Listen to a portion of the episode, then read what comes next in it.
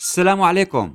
أنا أيمن عبد النور عم بحكي معكم من لوس أنجلوس بالرسالة 34 للسوريين كل السوريين. وين ما كنتوا تكونوا بقول لكم شكرا كثير على المتابعة وبتمنى أنكم تشتركوا بالأبل بودكاست الجوجل بودكاست موقع راديو الآن لحتى تصير توصلكم كل الرسائل الجديدة على الموبايل مباشرة. وبتمنى دائما إنه تلاقوا شخص ما عم توصله الرسالة وما سمع فيها ابدا ترسلوا له الرابط لحتى كمان يصير يتابع معنا ويعم الفائدة على الجميع. طبعا كل عمل بينجح بده يصير عليه هجوم هذا إجباري. كل ما زاد النجاح كل ما كبر الهجوم. ولكن يمكرون ويمكر الله والحمد لله بسبب الهجوم الكبير تعرفوا علينا ناس أكثر وصاروا يتابعونا وزاد العدد. فعلا عسى أن تكرهوا شيئا وفيه خير لكم. وصلتنا منكم اقتراحات إنه نعمل استبيانات بخصوص قضايا مهمة. اقتراح مهم. فهالأسبوع رح نعمل استبيان إنه هي من هي الفصائل الأفضل بمناطق شمال غرب سوريا من ناحية الأمان بمناطقها، التنظيم والانضباط العسكري والخدمات الموجودة بمناطقها، هالشيء بدكم تشاركوا فيه بقناتي آه، باسمي الشخصي بتدوروا عليها بتليجرام بتلاقوها في عشر خيارات ورح نذيع النتائج بالرسالة المقبلة فناطرين منكم كمان كلكم تشاركوا بالاستبيان. حكيت بالرسالة السابقة عن السفير أنور عبد الهادي مدير الدائرة السياسية لمنظمة التحرير الفلسطينية. طبعا هو معروف شو بوصلته وعلاقاته مع النظام لكن وقلت أنه هو عم بيدفع كان تكاليف الأكل والتنقل وكذا وبيدفع بالفرنجات السويسرية لجزء من المعارضة حقيقة اللي هي قريبة من النظام وموجود جزء كبير منها الآن موجود باللجنة الدستورية سواء من حصة النظام أو من حصة المجتمع المدني. لكن مو كل المعارضة القادمة من دمشق. يعني مثلا الناس اللي حضرت مؤتمر الرياض أو أعضاء بالائتلاف وهيئة المفاوضات هدول لا هدول معارضة نظامية مثل هيئة التنسيق. لذلك ما بيصرفوا عليهم وما دخلوا فيهم السفير أنور عبد الهادي لذلك وجب التنبيه. شو صاير بداخل سوريا؟ شو اللي صاير؟ أكثر من اللي أنتم عم تسمعوه. بأي تجمع على الأفران على أي دور على أي شيء العياط والصريخ والمسبات من فوق لتحت من رأس الهرم وتحت الناس رح تطق خلينا نكمل. رابط خريجي العلوم السياسية أطلقت حملة ترشيح بشار الأسد من السويدة وحقيقة يعني عملت مشكالية هي القصة. فكتب تصريح اللي هو آه، محمد الدكتور محمد عبد الله الأحمد قال إنه أعلن أنا خريج العلوم السياسية وأحد المساهمين بالرأي والعضوية في رابطه خريجي العلوم السياسية انسحابي وتبرؤوا من قراراتها حيث خانت قيادة هذه الرابطة تخون العلم الذي تدعيه. وكأن بما أنه قررت ترفع شعار الأسد خيارنا وتكريس الموت والقهر والخراب ومنع السوريين من أبسط حقوقهم وهي على الأقل تجريب رئيس آخر. فإذا أنا أعلن انسحابي ردوا عليه برئيس المجلس اللي هو الدكتور هاني حسن بركات وقال إنه أكد إن المدعو ليس عضوا في الرابطة ولم يشارك وهذا الشخص إنه هو عم بيمثل نفسه بشكل فردي ولا يمثل الرابطة وإنه هذا بيدل على إنه هو شخص حاقد ومأفون ومصاب بداء العظمة وانفصام في شخصيته ومريض نفسيا فعلا غريب. أستاذ في الجامعة كان طيب يعني شلون خليته يدرس في الجامعة؟ وهو عنده كل الأمراض. روحوا حاسبوا الجامعة وسكروا الجامعات تبعكم. فاذا في مشكلة. هلا في شخص كمان علوي مسمي عنده قناة على اليوتيوب اسمها ماكيافيلي بالعربي عمل في فيديو كمان مهم رسائل العلويين والمؤيدين للنظام السوري المركب يغرق فلا تكونوا مع الغارقين وحط أرقام الاقتصاد السوري كيف عم ينهار وكيف إنه ما مطول فانتم فزوا من ذلك المركب. الدكتورة منى غانم المعروفة والمشهورة اللي دائما كانت حذرة وبتحط خطوط ما بتتجاوزها مع النظام بالحرف قالت كتبت كالتالي على الرئيس الأسد أن يتنازل عن الحكم لشخص قيادي آخر في النظام السوري قبل حلول موعد الانتخابات من أجل تخفيف الضغط ولا بد بعدها من البدء بتفاوض جدي مع الغرب لضمان عملية انتقالية سياسية شاملة لكل السوريين. تابعت طبعا هذا حكي كبير. هلأ نحكي نحن ثلاث أربع شخصيات مهمة سياسية علوية. ما كانت تحكي هالحكي من سنة. في شيء صاير جوا إذا. هلأ المشكلة كنا طبعا خلينا نتذكر كنا من قبل ثلاث رسائل حكينا كيف إنه رح يطلبوا من طلاب المدارس إنه يرفعوا شعارات لانتخاب بشار الأسد مشان ياخذوها على البيت ويقنعوا أهلهم هن يطالبوا بشار الأسد بالانتخاب. حقيقة تم نشر فيديو ببين كيف عم بيتم تلقين طلاب المدارس وصار إزعاج جدا جدا بالغرب لأنه هذا ممنوع. هذا هذا بسموها child abuse يعني عم بي عم بيسيئوا للطلاب مثل كوريا صارت وصاروا يعتبروا سوريا هي مثل كوريا الموجودة على شط البحر المتوسط. وعم بيرفع هدول الطلاب الصغار في المدارس شعار أملنا بشار وغيرك ما بنختار بلاك ما بنكمل المشوار. يعني في قصة لكن في كتلة كبيرة من الناس حقيقة داخل سوريا مشكلتها من كثر التدجين والمسح دماغ من هنا والابتدائي ما عندهم التعابير المستخد... المفردات اللي يستخدموها. فنقول شو عملوا؟ شبكة موالية شو قالت؟ طلبت من حافظ الأسد أنه يرجع من القبر ليخلص البلد من أنياب الضباع. ووحدة تانية طلبوا من بشار الأسد يقود ثورة ضد نظام الحكم الحالي. طبعا هلأ هذا كويس لأنه هلأ هن بالنسبة لهم ما عندهم مفردات يستخدموها غير الحكي لكن هذا هاي التعبيرين بيؤدي إنه هن ما رضيانين نهائيا لا على منظومة الحكم لا على رأس الحكم ولا على الواقع الحالي. مشان هيك عم يستنتجوا عم يستنجدوا بالأموات. أو ببشار الأسد يقود ثورة ضد حاله. فاذا هذا كمان عم بيقول لك إنه في مشكلة حقيقة. أيضا الانتخابات الرئاسة بسوريا شو اللي عم بيصير فيها دوليا. هلأ فرنسا قدمت مقترح لكل الدول الاوروبيه إنه نحن كثير عم نعاني وعندنا مشكلة كبيرة في أوروبا من الأزمة السورية سواء مشكلة أمنية صار في عنا تفجيرات وسواء بالهجرة صار في عنا مليون اجوا هاجروا علينا وأكثر من مليون. لذلك طالبت انه ما يتم الاعتراف بانتخابات وشرعنتها لانتخابات الرئاسة المقبلة. الضغط على روسيا من أجل الضغط على النظام تسريع العملية السياسية وإضافة العملية الانتخابية للسلة الدستورية. وطالبوا أنه هالانتخابات تكون هي بما أنه بعيدة عن قرار 2254 فما يتم الاتكال عليها ولا تصنيفها بشكل أنه هي شرعية. ولازم يصير في انتخابات حرة نزيهة عبر أربع خطوات. قال أنه لازم اللاجئين من الخارج والنازحين بالداخل يشاركوا بعملية التصويت بالانتخابات ولازم يكون في عملية بناء ثقة ونخلق لهم بيئة آمنة ما يخافوا يروحوا يصوتوا هن خايفين. ولازم تكون الظروف القانونية والعملية لإجراء القانون موجودة ويكون في مشاركين كتار غير فقط مرشح بشار الأسد وجماعة هو منقيهم. ولازم تكون الانتخابات بإشراف الأمم المتحدة. نجي هلأ كان في زيارة للائتلاف لكردستان. يحيى المكتبي اللي هو عضو كان في الزيارة حكى بالتفصيل إنه زاروا الرئيس مسعود البرزاني ورئيس حكومة الإقليم ونائب رئيس البرلمان وأعضاء ممثليه المجلس الوطني الكردي ومجموعة من أبناء عفرين واتحاد الطلبة ونقابة المعلمين وعملوا لقاءات كثير قال إنه هي جزء أصلا من محطة من مجموعة زيارات رح نقوم فيها التالي وقال إنه كشف إنه اللي صار هو التالي. قيادة الإقليم تدعم الحل السياسي العادل بدون بشار الأسد في سوريا. واتفقوا الائتلاف وقيادة إقليم كردستان إنه الخطر الدو... خطر الدور الإيراني بسوريا وخطر دور تنظيم البيكيكي حزب العمال التركي وأيضا على ما يجري من تغييرات في درعا من قبل الإيرانيين وطالبوا إنه يكون في يفتحوا مكاتب لأعضاء المجلس الوطني الكردي بالمناطق المحررة وشكروا الإقليم على إنه في عنده مستقبل 250 ألف لاجئ سوري وطلبوا إنه يفتحوا ممثلي الائتلاف هنيك ووافقوا مبدئيا قيادة كردستان. هلا خلينا نشوف شو صار في تسريبات دوليه على آه، عملية السلام مع إسرائيل. في شيء مهم كتير. يعني متذكر كلنا كيف كان جون كيري قال إنه بال 2009 كان رئيس لجنة هو الشؤون الخارجية في مجلس الشيوخ وراح زار بشار الأسد. فقال يا يبدو كان بشار الأسد عم بيستشم إنه في شيء عم بيترتب في قلق داخلي في شيء ممكن يؤدي لثورة قريبة خلال سنتين. فسألوا قالوا شو نعمل خرج نتصالح نحن مع إسرائيل؟ كيف بدنا نعمل هيك؟ قام قال له تالي اعمل هيك هيك واعمل لي رسالة للرئيس أوباما لأخذ له إياها وحط فيها التالي. أخذ الرسالة من بشار الأسد ثاني يوم وسافر ل... لعند نتنياهو. ونتنياهو شعر بالدهشة طبعا هذا كله مكتوب بالكتاب على لسانه لكيري إنه معقوله بشار الأسد هيك عارض إنه موافق يوصل معنا لهيك ويترك يقطع علاقاته مع ايران وحزب الله مقابل إنه نحن نرجع له الجولان؟ ف اتفقوا مع نتنياهو واخذ الرسالة وسافر على واشنطن وأعطاها لأوباما. فهناك مدركين القصة قالوا له هذا عمل نفس القصة عشرات المرات كل مرة بيقول هيك وبيقطع بيوقف بنص الطريق. وعملها مع الأوروبيين قبلنا بحالة كذا وبالشراكة الأوروبية وعددوا له قائمة فيها 12 بند. يعني إنه هيك هيك هيك كل مرة بيحكي هيك وبيفقس لأنه هو هيك مبدأه. فقال طيب خلينا نجربه كمان هالمرة الحقوه لورا الباب. قال له قال له تفضل في أنت شحنات أسلحة عم تبعتوها وعم تمر لحزب الله هذا الطريق اللي عم تسلكه وقفها قام ما وقفها أول مرة وثاني مرة فأدركوا إنه القصة حكي بحكي. فاذا كمان نفس الشيء السفير فريد هوف صديق قابلوا ب 28 فبراير شباط 2011 يعني عشيه الثورة السورية عم نحكي 28 شباط 2011 ف اتفقوا معه وقال له أنا جاهز وبتخلى عن العلاقات العسكرية مع طهران وحزب الله مقابل الانسحاب الإسرائيلي من جولان لخط 4 يونيو وأنا جاهز. وراح فريد هوف اجتمع مع الوليد المعلم مرتين. وحضر معهم رياض داوودي المستشار القانوني بوزارة الخارجية وصاغوا الرسائل وبعدين صارت الثورة وفأسوا هلا هون رد عليهم رجل الأعمال غسان عبود بمقال حقيقة ذكرهم بشغلة إنه كان بالوقت اللي صار فيه السوريين بأوائل التسعينات بعد ما صار في مؤتمر السلام صار في كاسيت طلعوه مسرب بصوته لعلي حيدر قائد الوحدات الخاصة يوميتها وكان شخصية هامة جدا. شو عم بيحكي؟ عم بيحكي بشكل غاضب هيك.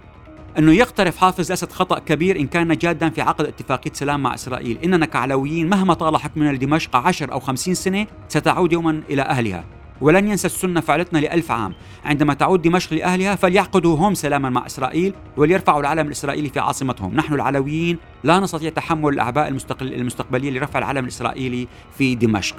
فبيخلص بالمقال تبعه لنتيجة أنه خليني آه والله خليني دقيقة صحيح.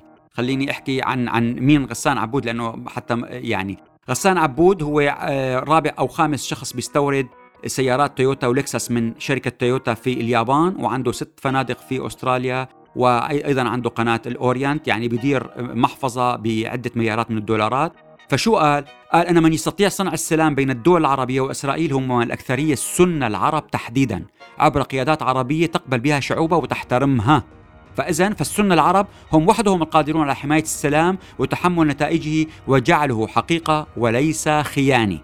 فاذا هذا اللي ذكره علي الرز نائب رئيس تحرير صحيفة الرأي العام الكويتية عقب عليه بمقال بصحيفة الرأي قال انه قيم الحرية والديمقراطية والحداثة أمامنا أجيال لتحقيق ذلك إن العرب يتميزون بأنهم لا يتعلمون من من التجارب وعناصر التخلف البنيوي والطائفي هي اللي عم تطغى فوق عنصر المواطنة. لذلك لحين ما نحسن هذا الأمر فالتعامل مع الحجر الذي ألقاه غسان عبود في هذه البحيرة الراكدة يبدو أنه هو الأساس يعني بين الغالبية اللي تعقد السلام وليس الأقلية مهما كان النوع الأقلية. فاذا هذا اللي صار في حوار. هلأ مثل ما فهمنا أنه في مقال قريب للاستاذ غسان عبود رح يناقش نفس الموضوع ويعني عم بيصير هذا الموضوع بشكل كتير كبير. اذا هلا الشيخ مطيع البطين عمل مقال مهم. طلع مرة ودافع عن الوثيقة الهوية السورية اللي أصدرها المجلس الإسلامي السوري بشكل كتير كتير هادئ وبطيء. أيضا عمل مقال يعني صار فيه له ضجة. هل تصلح التعزية بين السوريين ما أفسدته ما أفسدته السياسة؟ فقال أنه من لا يعزي إلا أبناء دينه أو أبناء قوميته أو حزبه أو تياره فعليه أن يراجع إنسانيته. إن المهم في التعزية هو وقوعها مهما تنوعت الأساليب والعبارات. مشهور عن السوريين نزوعهم أفرادا إلى القيادة ويصعب عليهم الاجتماع على قائد، القائد الحق هو الذي يعزي ويواسي ويلمس جراح أبناء بلده جميعا بعيدا عن حسابات الأصل والفصل. ضمن هالمناخ العام بالتعزية رجل الأعمال المهندس وليد الزعبي صاحب شركة تايجر بدبي، الأخ والصديق حقيقة يعني طبعا هو بيدير أيضا محفظة أيضا بعدة مليارات من الدراهم الإماراتية. نعى الدكتور موفق دعبول أحد أعلام يعني العلم في دمشق ضمن مناطق النظام وكان أستاذ جامعي وعميد كلية وشخص محترم جدا. فذكر كيف تعرف عليه وكيف كلفه إنه يدير الجامعة اللي هو بيملكها كانت في دمشق قبل ما تتصادر من الدولة. وقال له موفق الدعبول أنا مستعد أعطيك إدارتي للمشروع بس بدون معاش يعني مجانا. ففكر المهندس وليد إنه هذا معناته بده يخصص كم ساعة أو بده يعملها هيك بس مشان يعني رفع عتب. بالعكس تماما خصص كل الوقت اللازم وأبدع في إدارتها وكلها مجانا. فشو بيقول؟ إنه لم يكن دعبول ممن ينزلقون بسهولة نحو الأوضاع المربكة التي قد تفاجئهم والتي قد تمزق النسيج الاجتماعي وتفتته. ابتعد عن الصراعات التي كانت تعصف ببلاده ولم يتورط في أي اتجاه بل بقي محافظ على قيمه الخاصة المعتدلة والنزيهة. هلأ خلينا نركز هون شو حكى. قال في سوريا نخبة مثقفة مستقيمة فنية وتقنية وقيادية تشكل نسبة لا بأس بها وممكن أن تقود البلاد إلى بر الأمان وإلى دولة حديثة تحمي شعبها من الفوضى لكن العمى والتكبر حولا هذه الدولة الصغيرة إلى بحر من الدم والفساد واغتيال الحقيقة حقيقة تابع إنه لا غنى عن التعليم للوصول إلى تلك القيم الفاضلة في التي تخدم الناس، أنا خليني هون يعني شهادة للتاريخ، أنا رافقته في زيارة قبل عدة سنوات قام فيها لكبار الشخصيات في البيت الأبيض والخارجية ورئيس لجنة الشؤون الخارجية في مجلس النواب الأمريكي سواء عن الحزب الديمقراطي أو الحزب الجمهوري. وكان تركيزه دائما على العلم العلم والتشبيك وعقد الشراكات بين المدارس والجامعات السورية والجامعات الأمريكية في تلك الزيارة. من أجل أنه تنقل العلم والخبرات لأنه هذا هو الذي يعول عليه في مستقبل سوريا. فجزاك الله خيرا. حقيقة صار في رسالة خلينا نحكي لكم عنها من سوريين أمريكيين آه، عم بيطالبوا أنه يحلوا مشكلة آه، عنا مشكلة حقيقة. ما عنا أي قنصلية فخرية في أمريكا وبالتالي أي معاملة بتضطر تبعتها أنت إما لدول بعيدة أو لكوبا وما عنا تواصل معها أو قنصلية موجودة في كندا وما بتقوم بكل الأعمال وبالتالي ما عندنا أي عمل. بدك وكالة بدك ولادة بدك زواج بدك تسجل ورث بدك تسجل تدفع ضريبة بأي شيء ما فيك تعمل شيء.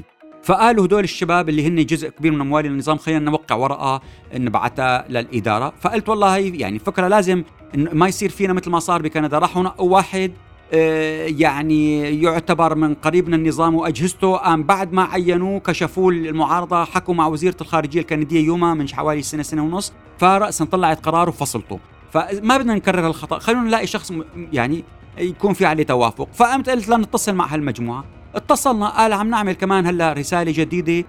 بخصوص إنه يرفعوا العقوبات عن سوريا وإنه أنت بترضى إنه يكون ابن سوريا يكون في أهلك بجوع وبرد وحرمان ومعاناة وإنه ما عم بيوصلوا أكل وهي عقوبات أحادية ظالمة آه، فرضوها أيام الرئيس ترامب وهالقصة هي قلت له قلت له ما حدا بيرضى طبعا ما حدا بيرضى نحن ضد هالشيء بس خلينا الرسالة تكون مفصلة وتكون يعني ما يفكرون أنا كاتبها بشكل عام. خلينا نكتب مين عن مين بدكم ترفعوا العقوبات؟ لأنه في قائمة قيصر هي فيها معشر أسماء شخصيات ومؤسسات وفي قبله في شيء 400 أكثر من مئات الأسماء. فخلينا هل أنتم بدكم نكتب إنه نحن نطالب برفع العقوبات عن السيد أبو علي خضر، علي مملوك، قيادات المخابرات، حسام قاطرجي، سامر فوز، مركز تصنيع الأسلحة الكيماوية بمركز البحوث العلمية وهيك؟ قال لا أعوذ بالله هيك بنتشوه سمعتنا وبنتبهدل. قلت له لكن طيب ما في كلمة تقول أنه نحن في عقوبات أمريكية على سوريا في على هدول الأشخاص وأمثالهم. هيك بتحب بدكم تكتبوا للرئيس بايدن أنه خلينا نرفع العقوبات عن مركز تصنيع وسامر الفوز وحسام قاطرجي. فحقيقة قال لا في في بند عن النفط. قلنا لهم طيب تفرجوا السيارات اللي الرانج روفر والأوديات المعباية بالشوارع بالشوارع والبضائع كلها ماركات. يدفع لإيران وروسيا بتجيب له نفط بس ما بده يدفع بدهم يخبوا كلها بالبنوك اللي حساباتهم برات سوريا. أنتم نفسكم بعثوا لهم حاويات سكر ورز. لحتى وبعثوها عن طريق لبنان والأردن وبتوصل لأهلكم وكلها يعني مجانا. بعثوا لهم أنتم قد ما بدكم وتبرعات وشواحنات قد ما بدكم ابعثوا قال لا بتنسرق نصها. قلت له مين الروس بدهم يسرقوا نصها؟ قال لا جماعة الحكومة.